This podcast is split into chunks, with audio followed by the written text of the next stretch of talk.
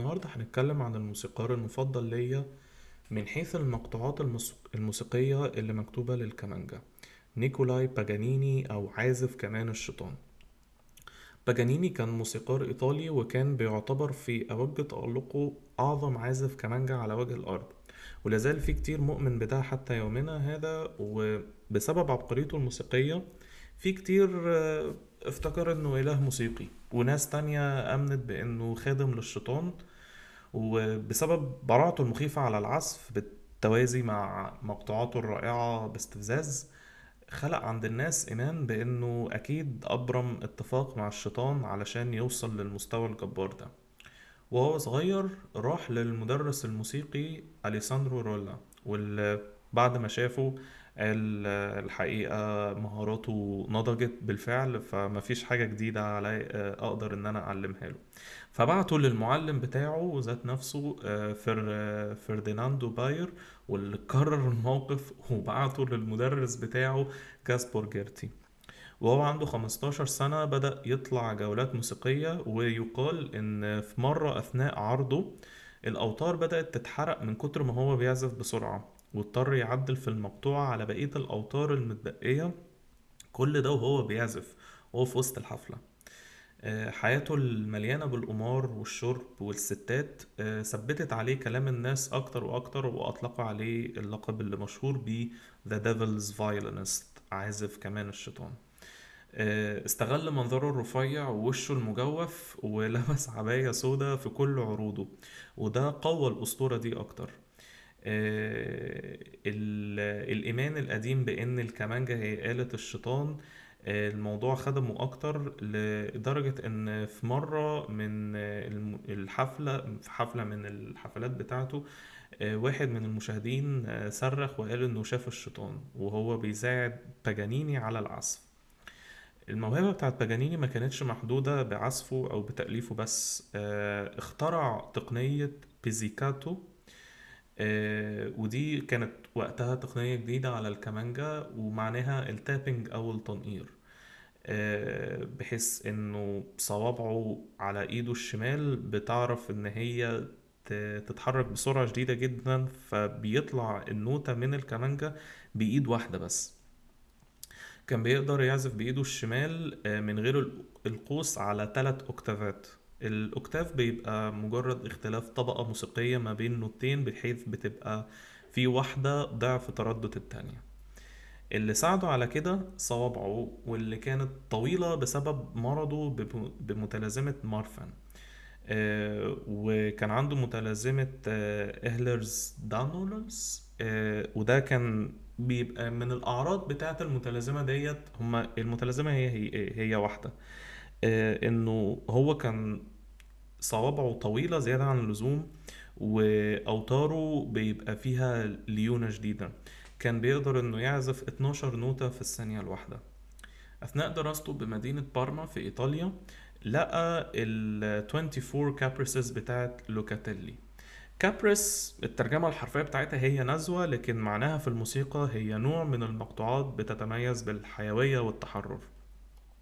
ال caprices بتاعت لوكاتيلي كانوا الأساس اللي ألف عليهم Caprices for Solo Violin واللي كانت أشهر واحدة فيهم هي Caprice number 24 كلنا هنكون عارفين إيه هي بس ما كناش عارفين اسمها إيه.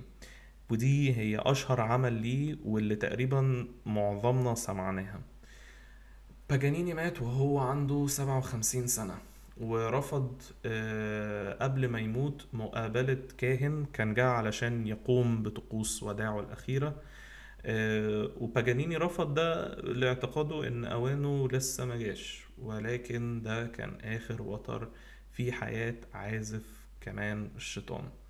حاسيبكم مع الموهوبة هيلاري هان وهي بتعزف Caprice number 24 يا رب تعجبكم.